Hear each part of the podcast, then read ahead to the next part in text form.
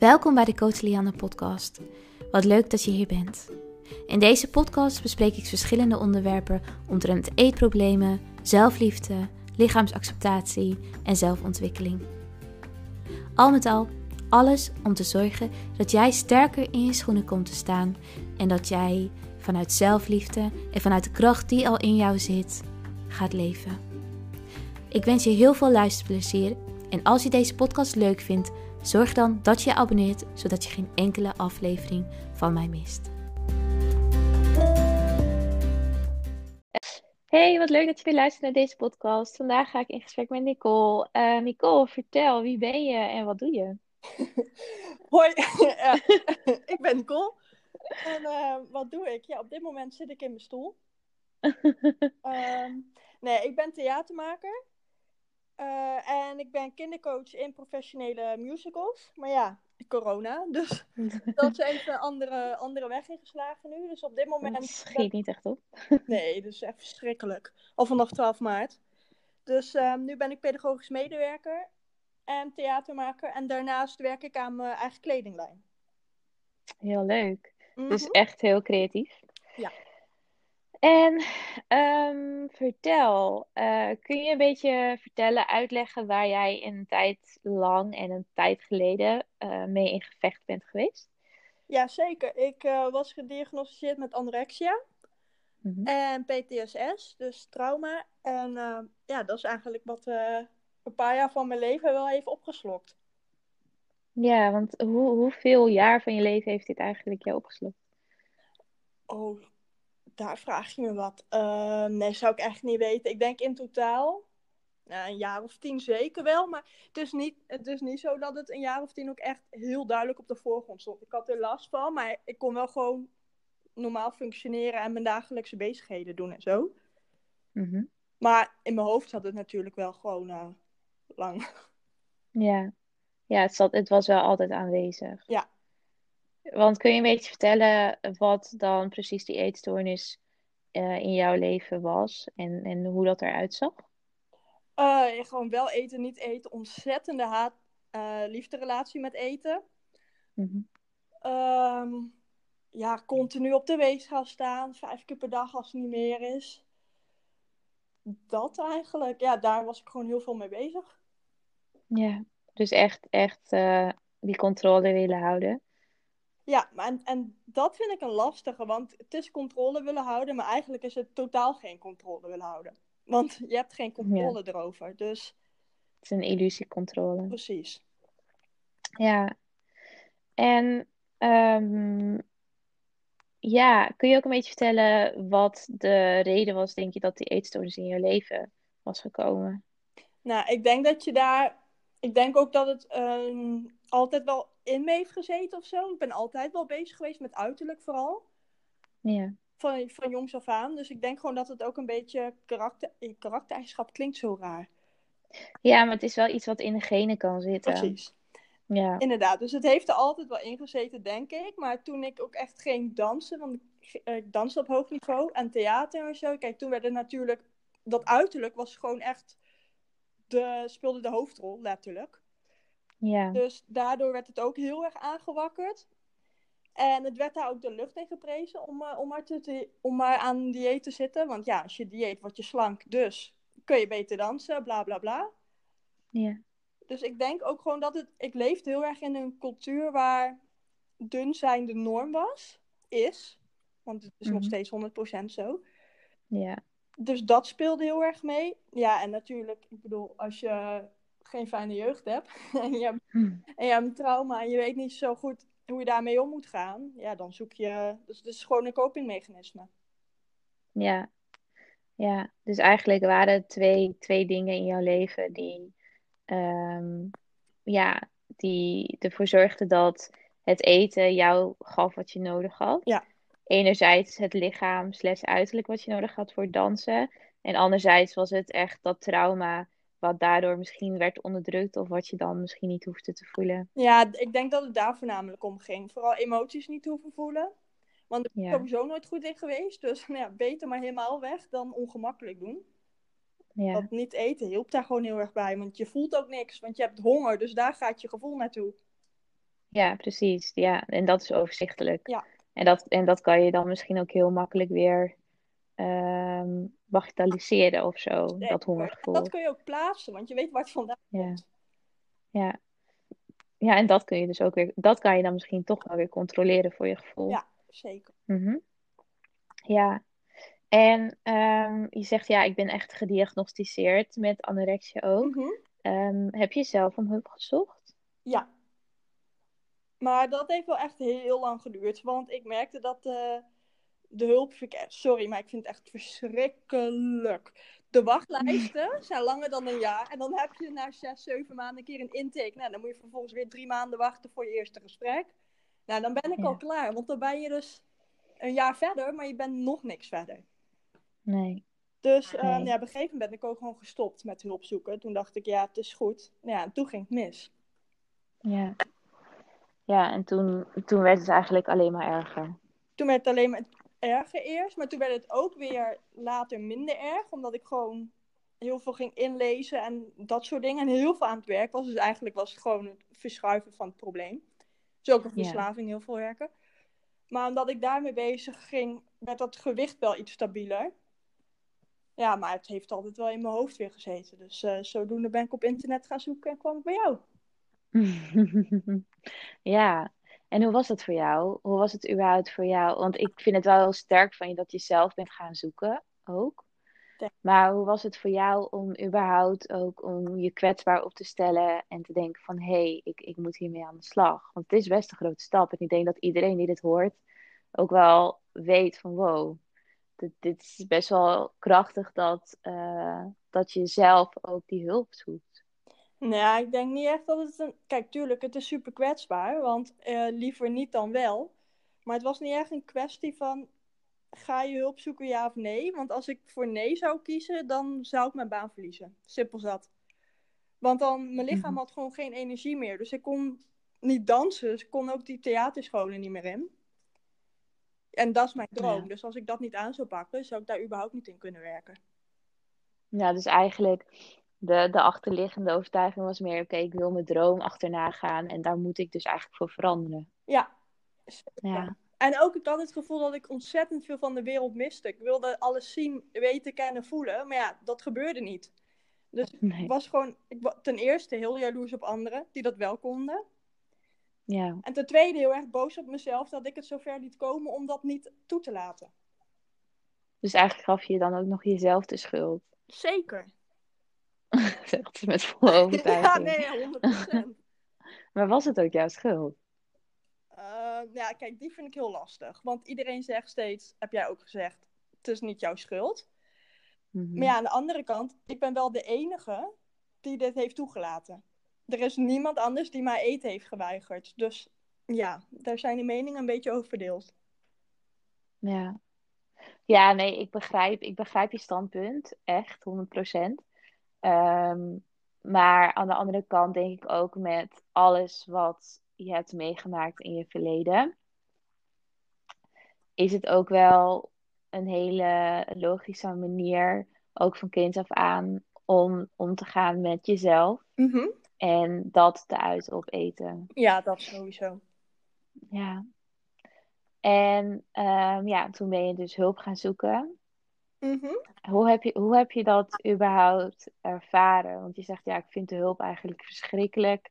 Ehm, eigenlijk de reguliere gezondheidszorg, denk ik, met die lange wachtlijsten en al die ja, formulieren die je moet invullen. Volgens mij is dat nog steeds wel zo. Ja, formulieren heb ik niet echt in hoeven vullen. Maar het is meer dat. Ik ha- had heel erg het idee dat de reguliere zorg mij de eetstoornis veel erger maakte dan dat het op dat moment was. Dus eigenlijk zag ik Ja. steeds dieper weg dan hoe ik erin kwam. Ja, ik bedoel, dat is een hele omgekeerde wereld. Ja, dat herken ik wel. Ik hoor het wel vaker. Maar hoe, hoe kwam dat dan, denk je? Nou, bijvoorbeeld dan had ik groepstherapie met zeven andere meiden. En kijk, niks te nadelen van die anderen, want iedereen heeft zijn eigen problemen. Maar omdat dus de nadruk heel erg lag op, ja, waar zit jij mee? Waar loop je mee vast? Ehm, kreeg ik dus al die negatieve verhalen eigenlijk, van al die anderen ook steeds mee. En daar bleef ik dus ook heel erg in hangen. Die sfeer was gewoon heel negatief. En daar ben ik heel gevoelig voor. Dus Mhm. eh, Ja, ik vind hem heel lastig, want voor de ene werkt het natuurlijk juist wel heel erg fijn. Dus ik denk dat het heel persoonsgebonden is. Maar voor mij werkte het totaal averechts met anderen in een groep. Want uh, ik cijferde mezelf heel erg weg. Ik was, ja, hoe leg je dat uit? Ik ging een beetje de mm. hulpverlener uithangen. Dus ik ja, anderen heel erg helpen. Oh, wat naar voor je, kun je daar meer over vertellen? Maar ja, ik zat daar voor mezelf. Ja, en dat, dat, dat vergat je dan eigenlijk. Ja. Ja, ja. Ja, ja, en ik denk dat heel veel luisteraars die zich ook wel in kunnen herkennen als het gaat om groepsgesprekken en ook misschien wel in de kliniek. Ik heb zelfs nooit in de kliniek gezeten en jij ook niet, toch? Uh, nee, dat niet. Dat, dat dat soort dingen ook wel gaan gebeuren. Of dat je elkaar heel erg gaat opjutten en zo. Mhm. Maar ik denk dat het mooie wat je zegt ook um, over, hè, over het persoonsgebonden stukje. Ik denk ook dat het probleem misschien een beetje is dat de zorg in Nederland niet echt gepersonaliseerd is. Dus het, het is ook, er wordt ook niet heel erg gezien naar jouw verhaal misschien. Ja, ik denk ehm, gewoon dat uh, dit is wat ze aangeleerd krijgen op een studie. En op het ja. dus zo werken ze. Maar kijk, je vraagt een blinde ook niet om een kleur uit te kiezen. Snap je? Sommige dingen doe je gewoon niet. Die zijn zo persoonsgebonden. Dus je moet echt kijken naar de persoon zelf. En niet naar dit is wat ik weet, dus zo gaan we iedereen behandelen. Ja, precies. Ja, en ik denk dat dat ook wel een dingetje is wat, wat de zorg nog heel goed kan leren. Oh, is, uh, is meer die flexibiliteit hebben daarin. Precies. Ja. Ja. En um, ja, kan je, kan je ook vertellen waar die eetstoornis jou nou eigenlijk bij hielp? Uh, ja, niet voelen. 100%. Ja. ja, ik zeg niet voelen, maar dat, eigenlijk is dat natuurlijk ook weer niet zo, want je voelde heel veel. Maar alles wat je voelde mhm. ging om die eetstoornis. Ja. Dus daardoor werd dus- al het andere uitgeschakeld. Alles eigenlijk uit het trauma wat je hebt meegemaakt, dat werd dan niet gevoeld. Ja. Ja. En het was ook gewoon makkelijk. Simpel zat. Want zolang ik met dat eetprobleem zat, hoefde ik niet aan mijn andere problemen te werken. Nee. Nee. Want dat was heel eng. Ja, zeker. Ja. Ja. En um, ik ben ook wel benieuwd hoe jij dat dan ziet van, um, want ik werk natuurlijk de laatste tijd heel veel met trauma en eetstoornissen. Mm um, hoe zie jij het? Is het voor jou, was het voor jou heel erg belangrijk om bijvoorbeeld eetuitdaging aan te gaan en je eten weer op te pakken? Of was het belangrijk voor jou om te beginnen met traumaverwerking? 100% niet dat eten eerst. Nee, dat had echt eerst een traumatherapiebehandeling onder moeten zitten, denk ik.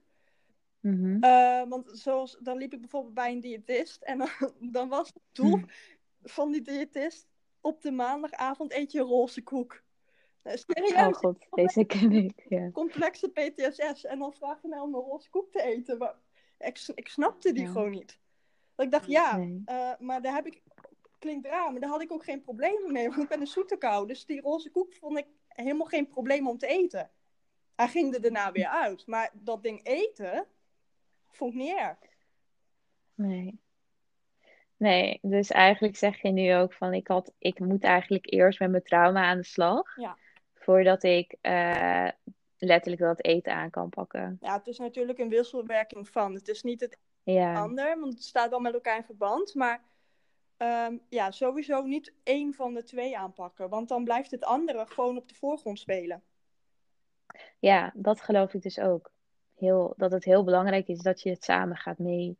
Ehm, hè, dat je het samen een soort van tot geheel gaat maken. Dat de eetstoornis wordt uitgedaagd, maar dat je ook aan het helen bent van een trauma. Precies. Ja. Ja. En hoe heb je dat eigenlijk ervaren, het herstellen van een eetstoornis en het helen van een trauma? Is, kan je zeggen dat je 100% bent geheeld van het trauma wat je hebt meegemaakt? Uh, trauma niet, eetstoornis wel. Eetstoornis is echt 100% weg. Uh, weg, dat kan ik misschien niet zo zeggen, want ik denk dat het altijd wel een gevoelig puntje zal zijn, maar op dit moment is het niet aanwezig. Mhm. Trauma, ja, dat, dat, is gewoon lastig. Zo goed als weg hoor. Het is niet dat ik er nog in blijf zitten, zeker niet, maar ik denk op bepaalde triggers of zo, die zullen dan altijd blijven. De lading is weg, laat ik het zo zeggen. Ja. Dus het is geen zwaarte. De zwaarte eromheen. Nee. Maar het is niet dat ik erom sta te juichen of zo. Dat ik denk, hé, hey, laat ik hier eens even gezellig over kletsen. Nope. ik denk dat iedereen die een trauma heeft meegemaakt, ehm, daar niet met heel veel eh, plezier over praat. Nee, Ik denk ook niet dat dat ooit. Ik denk ook niet dat dat het hele is van een trauma. Maar ik denk wat je zegt ook dat je weet dat het er is geweest. En je weet dat je het soms kan voelen. En maar je mag het ook voelen. En je weet dat je daarmee om kan gaan. Mhm. Misschien wel. Ja, zeker. Ja. Ja. Is het ook iets waar je het ook wel eens over hebt met mensen? Nou, op dit moment heel erg. Maar dat komt ook weer vanwege die coronacrisis. Want ik zit nu heel, ik werk heel veel vanuit huis. En ik woon in Mhm. mijn eentje. In een best wel grote ruimte. Dus dan heb ik soms wel. Ja, ik, ik ben sowieso een heel druk persoon, you know. ik heb heel veel reuring nodig. En in dat theater had ik natuurlijk echt veel te veel mensen soms om me heen. Waar je gek van werd. Maar nu is het echt 100% tegenovergestelde. Ja. Dus, ehm, sorry, wat was je vraag eigenlijk? Ehm, of je er ook met mensen over praat. Oh ja, ja dat is nu dus eh, lastig. Omdat ik weinig Ja. mensen zie. Ja. Maar is het wel iets, eh, want ik weet nog dat we elkaar ontmoeten, dat je er heel veel tijd overheen hebt laten gaan om erover te praten. Ja.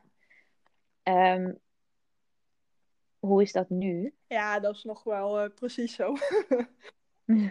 maar ik denk dat is ook gewoon hoe ik in elkaar zit. Ik denk ook niet dat dat zou veranderen. Maar dat heeft ook gewoon, te- ik denk met een stukje vertrouwen te maken. Op het moment dat je iemand niet goed kent, ja, ga ik niet zomaar een verhaal oplopen hangen. Dus dan, Nee. eh, ja, dat, nee, dat, dat weet ik eigenlijk niet zo goed. Ik denk dat het nog hetzelfde is, Mhm. maar dat is gewoon hoe ik in elkaar zit. Ja. Ja, maar aan de andere kant denk ik ook dat het, ehm, omdat het, zeg maar, het is niet zomaar iets en iedereen die het hoort denkt, oh, wat was het dan? Ja, ehm, ik weet niet, ik weet niet of je het wil vertellen, het hoeft ook niet. Ehm, maar ik denk ook niet dat het nodig is om, om het altijd te vertellen als jij het maar weet en als jij er maar mee om kan gaan. En inderdaad, het is wel een stukje veiligheid wat je heel erg nodig hebt. En ehm, hè, voor mensen die in een trauma zitten, die weten ook hoe onveilig je je kan voelen eh, op het moment dat je daarover praat, ook al zit je tegenover een therapeut. Precies. Ja, Ja, en het is denk het is niet wegvluchten van, dat zeker niet. Maar ik denk ook op het moment dat ik het erover heb, dan ga ik ermee bezig zijn. Dus dan ga ik me ook vervelend voelen. En dat is iets wat ik niet wil. Dus... ja, Maar dit, klink, ja, Ja. dit klinkt misschien heel raar. Want toen ik echt nog helemaal eh, met mezelf in de knoei zat, toen was het er Mhm. niet over hebben echt een manier om maar niet met mijn gevoelens om te hoeven gaan. Dat is nu niet het geval. Maar nu doe ik eigenlijk precies hetzelfde. Maar nu is het Hm. meer, ik kan ermee omgaan. Dus het is, het is verwerkt, maar ik heb het er nu niet over. Omdat ik dan, ja, waarom zou ik? ja. Ja, Het brengt niks uit het Dus verleden. laat ik het zo zeggen. Nee, nee. Nee, snap ik. En ehm, hoe staat het eigenlijk? Eh, stel nou, ehm, stel nou, hè, jij, jij hebt een heel intens trauma meegemaakt als kind zijnde. Mhm. Ehm, je hebt een eetstoornis ontwikkeld om daarmee om te gaan. Ehm, hoe zie jij dat stukje zelfliefde en zelfzorg Hoe dat, op dit Dat moment? En hoe... Ja, ja, maar hoe is dat ook iets wat je heel erg nodig had om meer te helen? Zelfzorg en leren om jezelf lief te hebben, bijvoorbeeld? ja, ik denk- kijk, dit heb ik voor jou geleerd, hè? Het innerlijke kind. Nee, ik denk echt dat dat innerlijke kind moet je lief hebben. Want als het... Kijk, nu kan ik echt naar foto's kijken en denken, ah, arm kind, kom hier. Maar eerst, dat, nou, Ja. ik stond gewoon buiten mezelf. Ik keek daarna als een derde persoon. En dat, ik denk dat je daar heel erg mee aan de slag moet gaan op het moment dat je, ja, dus gewoon lief hebben, inderdaad. Maar ook accepteren van, god, dit is er gebeurd. Het is niet mijn fout geweest, dus ja. Ja. Ja, want ik denk dat heel veel. ehm, mag ik, mag ik vertellen dat het seksueel misbruik was? Of heb je dat Ja, liever dat niet? zeg je nu toch? Ja, nee, maar ik kan het eruit knippen. Eh, komt dit op Google of zo? Of YouTube? Of alleen Insta? Alleen een podcast op, je, op eh, podcast Spotify. Ja, nee, is prima joh. Mijn familie zit toch niet op Spotify. Nee. Nee? Maar het hoeft niet, hè? Maar dan knip ik het er gewoon Nee, uit. ik vind het helemaal prima. Zeker. Alleen even met... eh, kan dan misschien mijn achternaam weg? Oh ja, dat doe ik ook niet. Ik doe ook geen foto van je Oh, nee, Ja? top. Helemaal goed. Foto mag wel los, maar niet mijn achternaam, want dan ben ik overal te vinden. Ja, precies. Oké. Ehm, maar, wow, waar hadden we het nou over? Seksueel misbruik. Ik zeg het gewoon, hè? Ja, Zeg dat. je zegt het gewoon. Wow. I know. I know. Daar hebben we echt heel veel op geoefend. Ehm, hè, maar dat stukje, je zegt het over jezelf de schuld geven. En ik denk dat heel veel meiden die seksueel misbruikt zijn, ehm, daar heel veel last van Of hebben. Ehm, jongens, sorry. Ja, jongens ook. Hoe zie jij dat nu? Want dat is wel iets, eh, denk ik, wat, waar iedereen zich in kan herkennen die ook in zo'n situatie heeft gezeten. Mhm. Nou, ik kan nu wel echt 100% zeker zeggen van... Oh mijn god, hoezo heb je zo in godsnaam gedacht? Want hoe kun jij als kind zijn schuldig zijn aan iets wat een volwassen persoon doet? Ten eerste Ja. heb het denkvermogen Ja. nog helemaal niet om... Ja, het is... Ja... Oh, hoe ga ik dit in godsnaam uitleggen? Je brein is nog niet ontwikkeld. Dus je, je weet ergens, dit klopt niet, maar je kan het nog niet plaatsen. Dus het is... Ja, hoe dan ook is het nooit je fout als je iets niet wil.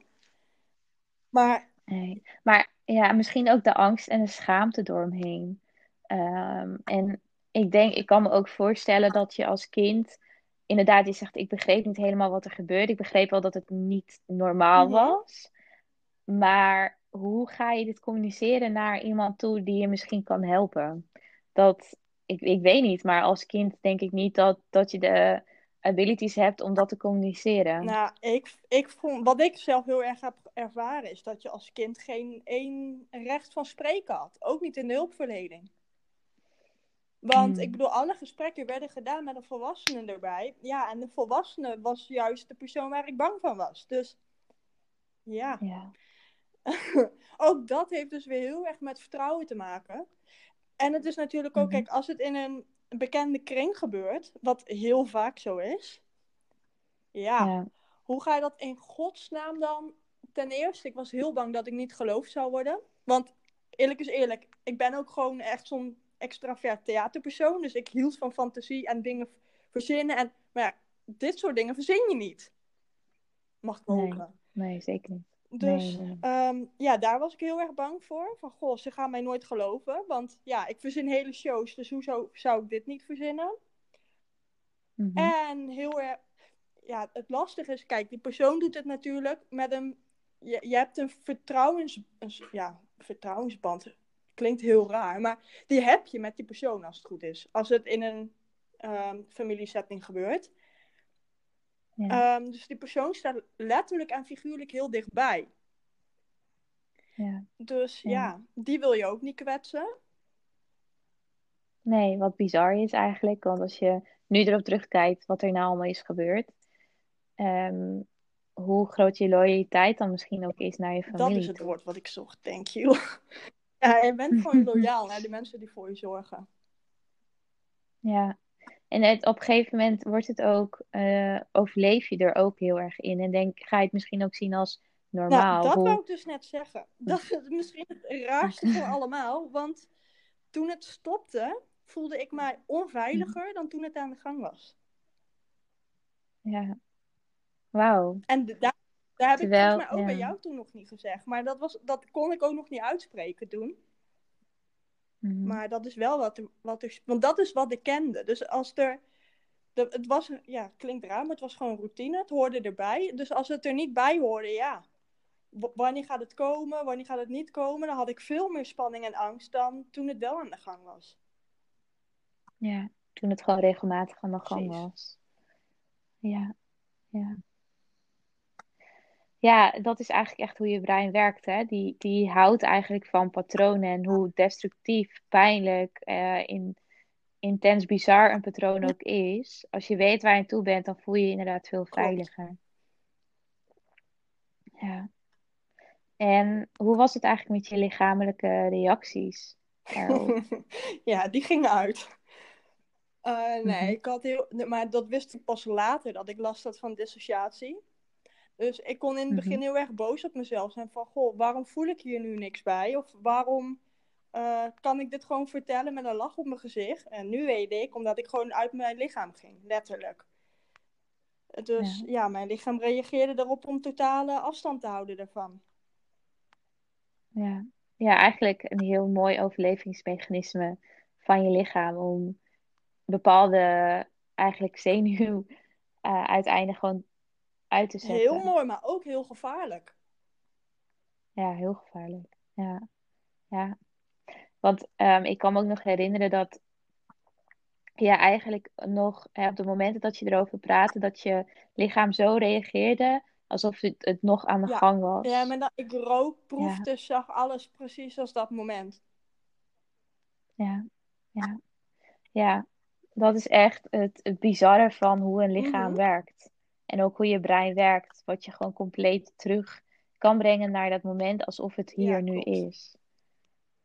Ja. Hoe ben je daartoe mee, hoe, hoe ben je daarmee omgegaan, überhaupt? Eh, Is, is dat ook iets wat nog wel eens terugkomt? heel af en toe, maar echt wel in veel lichtere mate hoor. Dan is het gewoon dat ik bij mezelf al denk: oh ja, je bent niet helemaal hier op deze wereld. Dan hoor ik het geluid naar de achtergrond. Is hetzelfde als je bijna flauw valt. Echt net dat Ik weet niet of je dat herkent. Maar dat moment net voordat je Hm. bijna flauw valt, dan gaat het geluid een beetje weg, toch? Een beetje naar de achtergrond. Ja, Ja, al- ja, dat heb ik dan bij mezelf. Dat ik merk van, oké, je krijgt nu niet alles meer mee. Dus de kans is groot dat je misschien in die situatie terecht gaat komen. Dus dan, ik kan het nu voor zijn. Oh ja. Ja. Dus dat is eigenlijk wel een hele grote stap. zeker. Ja. En als we eens teruggaan naar, want je, je zei het heel lacherig, dat innerlijke kind.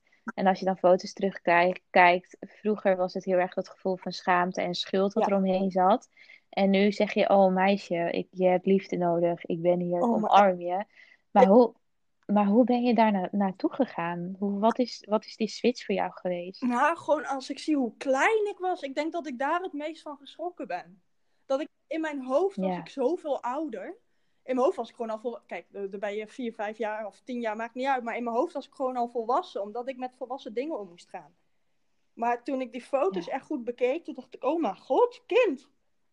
Wat sneu. Ja. Ja. Ja, wat?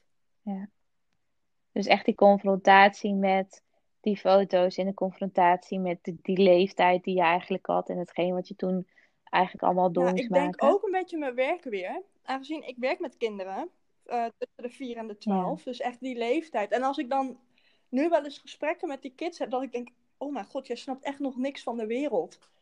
En ik ja, maar Hmm. ik bedoel, zo jong nog. En dan denk ik: oh, wat erg dat ik gewoon in mijn hoofd al volwassen was, voor mijn gevoel. Terwijl dat, ja, je kon, je kon amper lezen. Dus doe normaal. Ja. Ja, bizar eigenlijk, hè, wat, hoe, hoe dat in je brein zo is opgeslagen. Maar ik, want ik merk het nu in mijn werk ook dat ik, ik heb dus het eerste jaar die kids heel erg overvraagd. Want in mijn hoofd konden ze alles al. Dus, en dan, Mm. ik kreeg wel eens de Ja. reactie van, Nicole, wat vraag jij veel van die kinderen? Ze kunnen nog niet eens een fetus strikken. Hoezo vraag je om dit en dit te doen? Oh ja, wat erg. Maar dat was gewoon, want zo werkte dat bij mij. Ik denk dat ik Ja, ja, letterlijk een spiegel voorgehouden kreeg van die kids zelf. ja. Ja, dat denk ik ook inderdaad. Ja, dat eigenlijk de hoge eisen die jij van jezelf had, maar ook het genormaliseerde patroon van vroeger, de hoge eisen die, die daar werden gesteld misschien, of hè, het feit dat jij voor jezelf moest zorgen en daarbij natuurlijk het hele seksuele misbruik, dat je daarin dat eigenlijk reflecteert ook op die Ja. jonge kinderen. Ja, Ja. en zo kreeg ik vorige week, oh, dat ging me echt gewoon door merg en been. Is dat een spreek? Door merg en been is het toch? Ja, mergenbeen, Je ja. snapt wat ik bedoel. Dat was een, een jongetje van vier en hij keek echt super beteuterd. Zegt hij tegen Nicole, ik heb nog helemaal geen knuffel gehad. Dus uit automatisme zeg ik tegen dat kind, maar wat is er gebeurd dan? Zegt niks. Ik, denk, echt, kinderen hebben gewoon knuffels nodig, maar... Ja, maar Wauw, wat een mooi voorbeeld, inderdaad. reactie. Dat ik dacht, hoezo moet ik er überhaupt over nadenken om waarom zou dat kind dit nodig hebben? Dus Ja. Hij mag sowieso een altijd. Dus heb ik ook gezegd, van als je wil, hoef niet te vragen, schat. Kom gewoon bij me op schoot zitten. Dus dat gebeurt nu ook. Maar ik merk ook bij die Mhm. kids dat ze zich dus nu veel, ze zijn veel rustiger om mij heen. Dus Mm. eh, ik merk echt een verschil met vorig jaar als ik met die kids was of met nu. Ja, ja. Ook omdat je dus meer... Ja, het is eigenlijk allemaal een hele... Ja, kinderen zijn sowieso echt een reflectie van jou, hè? Ja. Zo, stuit er alle kanten op, jongen. De reflectie van mij. Ja, wat was eigenlijk voor jou dan de reden dat je met kinderen ging werken? Want het is best wel bijzonder eigenlijk. Ehm, ja, heel simpel. Kinderen kan ik niet wantrouwen. Volwassenen wel. Hmm. Dus ik denk dat dat. En ehm, ik heb kinderen altijd leuk gevonden. En maar ook, ik heb altijd voor mijn eh, broertje, nichtje en neefje gezorgd. Dus dat is ook wat Mhm. ik kende. Dus dat is ook wat mij heel makkelijk afgaat. Daar hoef ik eigenlijk niks voor te doen. Ja. Ja, dus eigenlijk ook uit je comfort. Was het ook om een, een verschil te kunnen maken bij oh, dat kinderen? zeker. Dat, dat Mhm. gaat in het werkveld waar ik nu in zit. Want nu ben ik gewoon, ik sta gewoon op de groep. Het is wel een stuk lastiger dan waar ik hopelijk vanaf januari weer naar terug kan. Eh, het coachen van kids in professionele musical. Daar wilde ik echt verschil maken. Maar dat had meer met eetstoornis te maken, niet met trauma. Vooral Ja. typecast, Ja, want dat zie je. Wat, eh, hè? vooral met de typecasting en zo. Dat je dan kids moet gaan afwijzen op hun uiterlijk. Of dat ze eruit moeten zien met een bepaald lichaam of een bepaalde look om een rol te kunnen krijgen. Ja, dat, dat ligt echt in mijn allergie. Dus dat Ja. Bizar, hè? Dan ben je, dan ben je nog zo jong. En dan hoor je waarschijnlijk, dan hoor je al dat je of er niet goed uitzien, of niet het goede Ja. haar hebt, of misschien Ja, te een dik kind van bent. negen. Ja, Ja. sorry, je kan alles perfect, maar je bent gewoon te zwaar. Oh mijn god, dat ga ik niet zeggen. Doe het lekker zelf. Oh, dat kan echt Ik niet. niet. Dus vandaar dat ik, ik denk dat dat de grootste reden is geweest dat ik ook per se in die wereld wilde gaan werken met kinderen. Om daar als tussenpersoon Ja. tussen te kunnen gaan staan. En de schakel tussen ouders, producent en kind. Want ik vind niet dat een, dat een producent degene is die dat tegen een kind mag zeggen. Want het gaat veel te bot.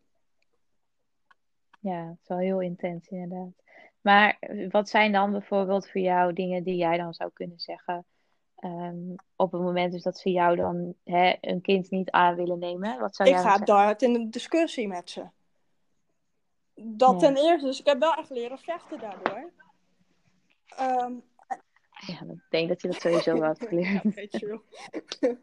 maar, nee, maar ik bedoel ook tegen volwassenen. Dus, Ja, ja, eh, ja. ja, ik Ja. ga gewoon echt met ze direct in discussie. Van dit kan echt niet. Stel je even voor, hoe oud is jouw eigen zoon of dochter? Die is tien. Stel je voor dat eh, die en die tegen jouw dochter zegt van ja, je mag niet eh, meespelen, want je bent te dik. Ja. Dus ik trek hem ook. Dat is ook vals misschien, want ik maak hem persoonlijk voor ze. Maar daardoor gaan ze wel denken. Ja, eigenlijk is dat wel de enige manier, denk ik, om dat soort dingen te veranderen, is om het persoonlijk te maken. Mhm. Om eigenlijk hun Ja. pijn op te zoeken. Ja, ja. Ja, wel mooi ook dat je zegt van, ja, kinderen die kan ik eigenlijk vertrouwen, maar volwassenen niet. Ja, maar ik denk ook dat het zo zit, want het wordt ons afgeleerd. Al heel jongs af aan. Ja. Dat een leugentje voor eigen best wil, wordt 9 van de 10 keer ook gewoon gezegd. Ja, Ja, klopt. kijk, niet Ja. dat ik dat niet doe. want Ik bluff hem ook door hele sollicitaties heen en zo, maar... ja, snap je een beetje wat ik, wat ik wil zeggen? Ja, ik snap je zeker. Wat voor invloed heeft dat op relaties? Hoe bedoel je? Nou, vertrouwen. Het, het moeite vinden met vertrouwen op relaties, op eh, vriendschappen of überhaupt op een relatie met, ehm, met een liefde. Ja, nou kijk, vriendschappen heb ik... de- ik denk dat het weer heel persoonsgebonden is hoor. Maar vriendschap heb ik daar geen last van. Want ik heb vrij groot sociaal netwerk. En de vriendschappen die ik heb, heb ik echt al jaren. Eh, relaties daarentegen, dat is wel even een ander verhaal. Dat is echt... eh, Ja. ja, one night stand. En dan... Joe, doei, je bent er dichtbij gekomen. Ja. Is dat nog iets waar je wel mee aan de slag wil ook? Ehm, Om mensen, om, om bijvoorbeeld een liefdesrelatie aan te kunnen gaan. ehm, en daarin je vertrouwen Nou, te kunnen ik denk vinden? dat ik hem. Ik denk dat ik daar op dit moment niet echt aan hoef te werken. Dat als ik echt zou willen, dat het wel lukt. Daar ben ik van Mhm. overtuigd hoor. Want het, het zou ook gewoon. Het had al meerdere keren kunnen lukken. Maar dan ben ik die mogol die dan denkt: ja. Ik zit net zo lief gewoon lekker thuis een beetje te frummelen. Hoezo zou ik dat met een ander delen? En ik, ik kan helemaal niet delen. Maar als ik het zou willen. Dan... Ja, echt hoor. Oh, ik herken het zo erg. Zo denk ik ook altijd. Ik ben ook altijd zo'n autistisch en denk ik, ja, maar ik heb gewoon eh, ik heb een heel goed leven. Ik heb vriendinnen, ik doe leuke dingen, ik heb heel druk met werk. En als ik dan niks doe, vind ik het ook wel lekker om gewoon in mijn eentje op de bank te zitten. En dan moet ik Ja. tegen iemand aanlopen lullen s'avonds. Sorry, maar ja. Dus ik denk dat het moment er nog niet is. Maar hoe heeft het dan, eh, en ik weet niet of je dit te intiem vindt hoor, maar hoe heeft het seksuele misbruik dan eh, invloed gehad op een seksuele relatie? Oh, Heeft dat ook, vol- was het in het begin, leek, lijkt het mij best wel eh, lastig. Ehm, ja, die ging echt. eh, Je, je kent me, dus ik ben echt van het ene naar het andere. Dus er zit bij mij nooit iets tussenin. Eh, maar in het begin was het vooral heel erg op slot. Van nee, ik moet niets van je weten. Direct Mhm. afwijzen, meteen in de friendzone. en toen later ging dat echt Mhm. wel, hoe zeg je dat? Ho- 180 graden anders of zo? Tegen ja, Dus echt gewoon Ja. dat ik dacht, ja, boeien, waarom zou ik nee zeggen? Dus toen was het echt gewoon, bij iedereen zei ja. Dat kan natuurlijk ook niet. Nee, nee. Dus eigenlijk het Ja, alles dat. of niks.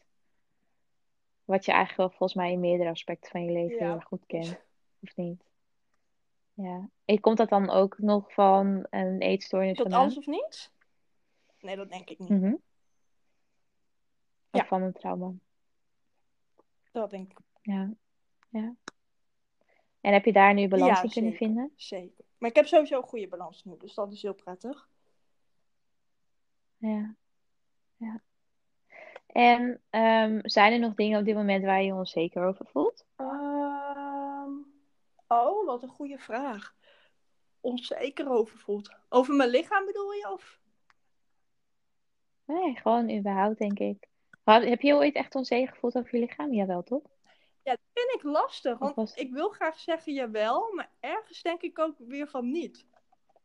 Dus niet, ik heb, mijn, Nee. ik heb nooit alleen maar wijde kleding aangedaan of zo. Dus nee, ik heb eigenlijk altijd wel gewoon gedragen wat ik wilde dragen. Dus onbewust waarschijnlijk wel, maar niet heel bewust. Eh, ja, onzeker. ja, wat er gewoon een beetje onzeker is, is de kut coronacrisis. Maar ja, ik denk dat iedereen met hetzelfde probleem zit. Ja, precies.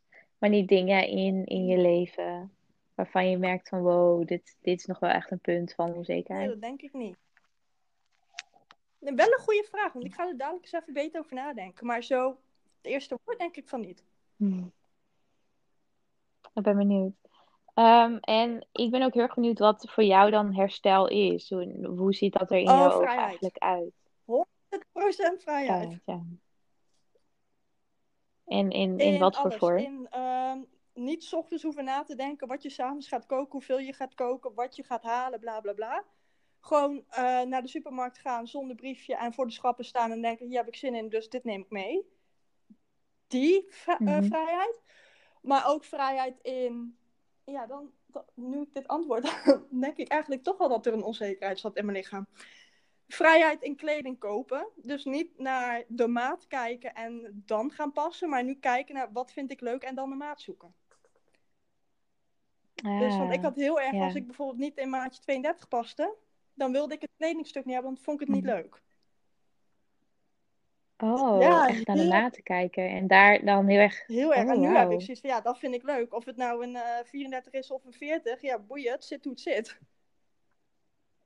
Ja, terwijl een kledingstuk. Ik kan een broek van, twee, van maat 32 en een broek van maat 36 naast elkaar houden. Dus misschien zijn ze zelfs even groot. Maar is het net een heel ander merk of zo? Ja, maten zeggen dus echt Nee. helemaal niks. Maar wel grappig dat dat jouw controle Ja, dingetje heel was. erg. Ik had zo, zo had ik bijvoorbeeld echt jarenlang kleding in mijn kast hangen wat veel te klein was. Maar dat ik iedere keer tegen mezelf zei, nee, dit Hmm. mag je niet weggooien, want volgende week ga je dit misschien nog aankunnen. Dus daar was ik heel erg mee bezig. Hmm. En nu is gewoon alles wat niet meer past, gaat meteen weg. Ja, ja. Thanks. wat goed. Dus echt vrijheid. Herstel Ja. voor jou is echt vrijheid. Ja, mooi. En wat heeft je nou het meeste geholpen? Ehm, ja, ja, je hebt een heel groot aandeel gehad daarin. Hm, Props to you. Ehm, nee. Ja, Thank you. Plug, plug. Wat heeft mij het meest geholpen? Mm, ik denk zelfinzicht. Want zonder zelfinzicht ga je nergens komen. Punt. Nee, ja. Mooi. Maar ook wel de confrontatie misschien met jezelf aangaan dan? Ja, maar ik denk dat dat dan automatisch erbij komt. Op het moment dat jij... Ja, ik denk Precies. als jij zelf 100% in kaart hebt van... Oké, hier gaat het echt mis en dit is wat ik zelf moet veranderen. Dat als je wil veranderen, ga je daar ook mee aan de slag. Dus ik denk dat het een kwestie is van kunnen, maar dat klinkt heel hard en heel bot. Ik ga hier waarschijnlijk ook heel veel haat op krijgen, maar ik denk echt dat het een kwestie is van hm. willen. Want... Ja. Kijk, ik denk dat, ik denk dat um, er zit een heel groot verschil tussen kunnen en willen. Uh, ik heb daar heel toevallig net ook iets over geschreven om een keer te posten. Maar kijk, het, het verschil tussen kunnen en willen is eigenlijk als je iets kunt, dan weet je eigenlijk hoe je, hoe je het moet, zou moeten doen. Maar uh, je doet het niet op een, een of andere manier. Of je bent te bang, of je vindt het te moeilijk, of je bent te lui. Maar als je iets uh, heel graag wil, dan um, weet je misschien nog helemaal niet waar je moet beginnen. Heb je geen idee wat je eigenlijk zou moeten doen. Alleen je, wilt, je bent heel erg nieuwsgierig om uit te zoeken hoe je het wel in, uh, tot vorm kan brengen. Mhm, ja, ik denk dus echt, als je iets wil, ik. vind je hoe dan ook een manier. Ja, ja. Dat denk ik ook wel dat jij dat hebt bewezen ook. ja, ik, ik denk dat 100% ook. Dat als je iets wil, kijk hè, wat je allemaal doet nu en, en waar je vandaan komt. Het is wel echt ontzettend uh, sterk van je. en wat zou jij eigenlijk tegen dat meisje, dat kleine meisje willen zeggen? Want we hadden het over het mhm. innerlijke kind.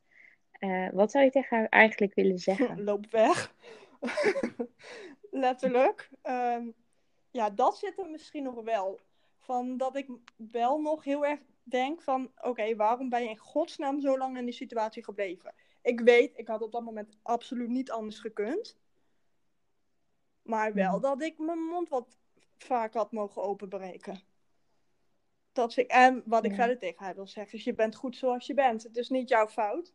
Wat die anderen met jou doen, ehm, ja, dat hoeft niks, dat hoeft niks over jou te zeggen. Uh, Ja, dat eigenlijk. Je kan de wereld aan, je kan alles bereiken wat je wil bereiken. Dat? Ja. En ja, I love you. ja, dat kan ik nu soms gewoon zeggen. Ik ga echt stuk om mezelf. Dan sta ik in de spiegel. Laatst nou, laatst was gisteren dan heb ik een broek aan en dan zie ik een kont en dan denk ik, oh, you're looking good girl. En dat zeg ik dan hardop. Ik denk, oh, had mij dit even twee jaar geleden gezegd? Had ik oh, yes. Wat goed. Oh, wat heerlijk. Ook dingen waar we mee aan de slag kunnen ja, zijn geweest. Wat leuk. Dus voor iedereen die dit hoort, het kan. Het kan zeker. Maar geef het ook tijd. Geef het tijd. Want het heeft echt uh, tijd en werk nodig ook. Want het is niet zomaar op je pad gekomen natuurlijk. En dat is een ding geef het tijd. Ehm, want als je eraan gaat werken, gaat het hoe dan ook eerst slechter. Voordat het beter gaat. Dus schrik daar vooral niet van.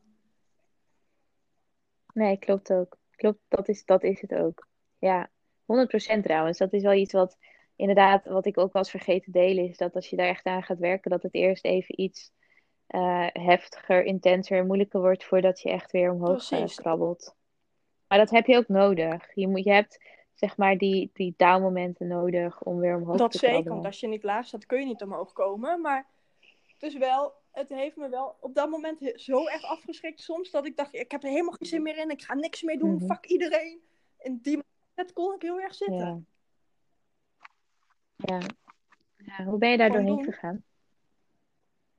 Ja, dat zeg ik ook altijd. En dat, klinkt, dat klinkt nu heel makkelijk. Ja. Zo makkelijk is het echt niet, maar het is wel zit. Nee, nee, maar daar komt het wel op neer. Hè? Je, kan, je, kan, um, je kan erin blijven hangen of je kan. Het, je mag het, het mag ook pijnlijk zijn, het mag ook heel erg moeilijk zijn. Um, maar wat, ja, wat voor andere optie heb je ja, eigenlijk? Precies. En wat ik denk wat vooral het belangrijkste is, en weer, dus echt niet aanvallen bedoeld, want hier gaan waarschijnlijk ook mensen op reageren. Maar stap alsjeblieft uit die hmm. slachtofferrol. Oh, ja. Want ik merk ja, ook zeker. echt dat dat in alle... En daar heb ik ook in gezeten hoor, want anders had ik er niet zo lang in kunnen zitten. Maar dat is wel wat nu in mijn allergie mhm. ligt. Dat ik dan... Mensen blijven maar over hetzelfde rakelen en zeuren en klagen. Maar ik heb nu heel erg zoiets van... Ja, maar als je er zoveel last van hebt, doe er dan alsjeblieft iets aan. En dan Ja. kan er alsnog Ja. heel veel gezegd worden, ja, maar de hulp is er niet en de middelen zijn er niet. Ja, dat klopt. Maar dat gaat waarschijnlijk ook niet zo, dat gaat dus ook niet komen als jij hierin blijft hangen. Nee, en het, het is er wel. Kijk wat er allemaal is. Ehm, ja, alleen ja, daar moet je dan in investeren ook. Dat is Mhm. het andere verhaal. Ja, mooi. En één laatste vraag, en die stel ik aan iedereen altijd die te gast is in de podcast. Wat zou jij graag mee willen geven aan alle luisteraars die op dit Hou moment van jezelf. zijn? Oh, nee, Ja. maar echt. Huk. Nee, maar echt. Oh mijn god, ja, en ik ben hartstikke nuchter. Dus als je, als je tegen mij had gezegd twee jaar terug dat ik dit zou zeggen, dus ik zou je vierkant uitlachen. Echt, eh, Ja, dat heb je, mij, heb je bij mij Ja, ontzettend vaak gedaan. Dat is oké. Maar houd van ja, jezelf. ik denk Heel als je mooi. niet van jezelf Ja. houdt, kun je ten eerste niet van een ander houden. Maar ten tweede, je kan ook nergens aan werken. Want als je niet van jezelf houdt, ja, waarom zou je dan ergens aan gaan werken? Ja, waarom zou je er überhaupt hulp dan gaan zoeken? En zou je waarom hulp zou je niet aannemen? investeren wat je niet leuk vindt? Dus ga jezelf eerst leuk vinden. Ja. Ja, mooi. En hoe heb je dat eigenlijk gedaan? Ehm, nou, echt ook van die cheesy dingen hoor. Ik, ik ben een moodboard gaan knutselen. Ja, ik ben heel erg van het creatieve. Bij mij Mhm. alles moet in beelden, anders komt het bij mij niet binnen. Dus ik heb een, een enorm groot canvas gekocht. En daar heb ik allemaal quotes, gewoon Pinterest, I love Pinterest. Met van die self-love quotes en allemaal dat soort dingen. En die, die ging ik ophangen daarop, opplakken. Heel mooi schilderij van gemaakt. Die, heeft tot en met eergisteren op mijn slaapkamer gehangen. Nu hangt iets anders. Maar dan, eh, dan Mhm. moest ik van mezelf dus iedere dag lezen. Ik hoefde het niet hardop te zeggen, want ik wist ik zou mezelf uitlachen. Dat gaat bij mij niet werken. Maar ik moest het wel van mezelf Mhm. lezen. En hoe vaker je dat gaat herhalen in je hoofd, hoe meer je daarna gaat leven. The Love Attraction. Dat is het. Ja, Dus ik denk, eh, Ja. ja. ja, zoek die op, Love Attraction, als je hem nog niet kent. Want eh, daar geloof ik dus echt heilig in. mooi. Heel mooi.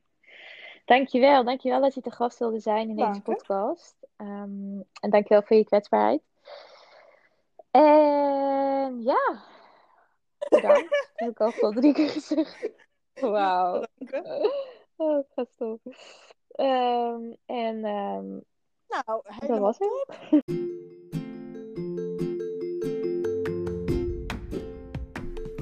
Ik wil je nogmaals bedanken voor het luisteren naar deze podcast. Mocht je nou fan zijn van deze podcast en dit willen delen met je vrienden, zou ik dat super fijn vinden door dit te doen op social media, zodat we nog meer awareness kunnen creëren rondom een verstoorde relatie tot voeding, sporten en je lichaamsbeeld. Hoe meer, hoe beter. Daarnaast, mocht je interesse hebben in mijn boek, de online cursus of één op één coaching, ga dan even naar www.coachlianne.nl voor meer informatie. En daar kun je ook het contactformulier invullen en dan kom ik zo snel mogelijk bij je terug.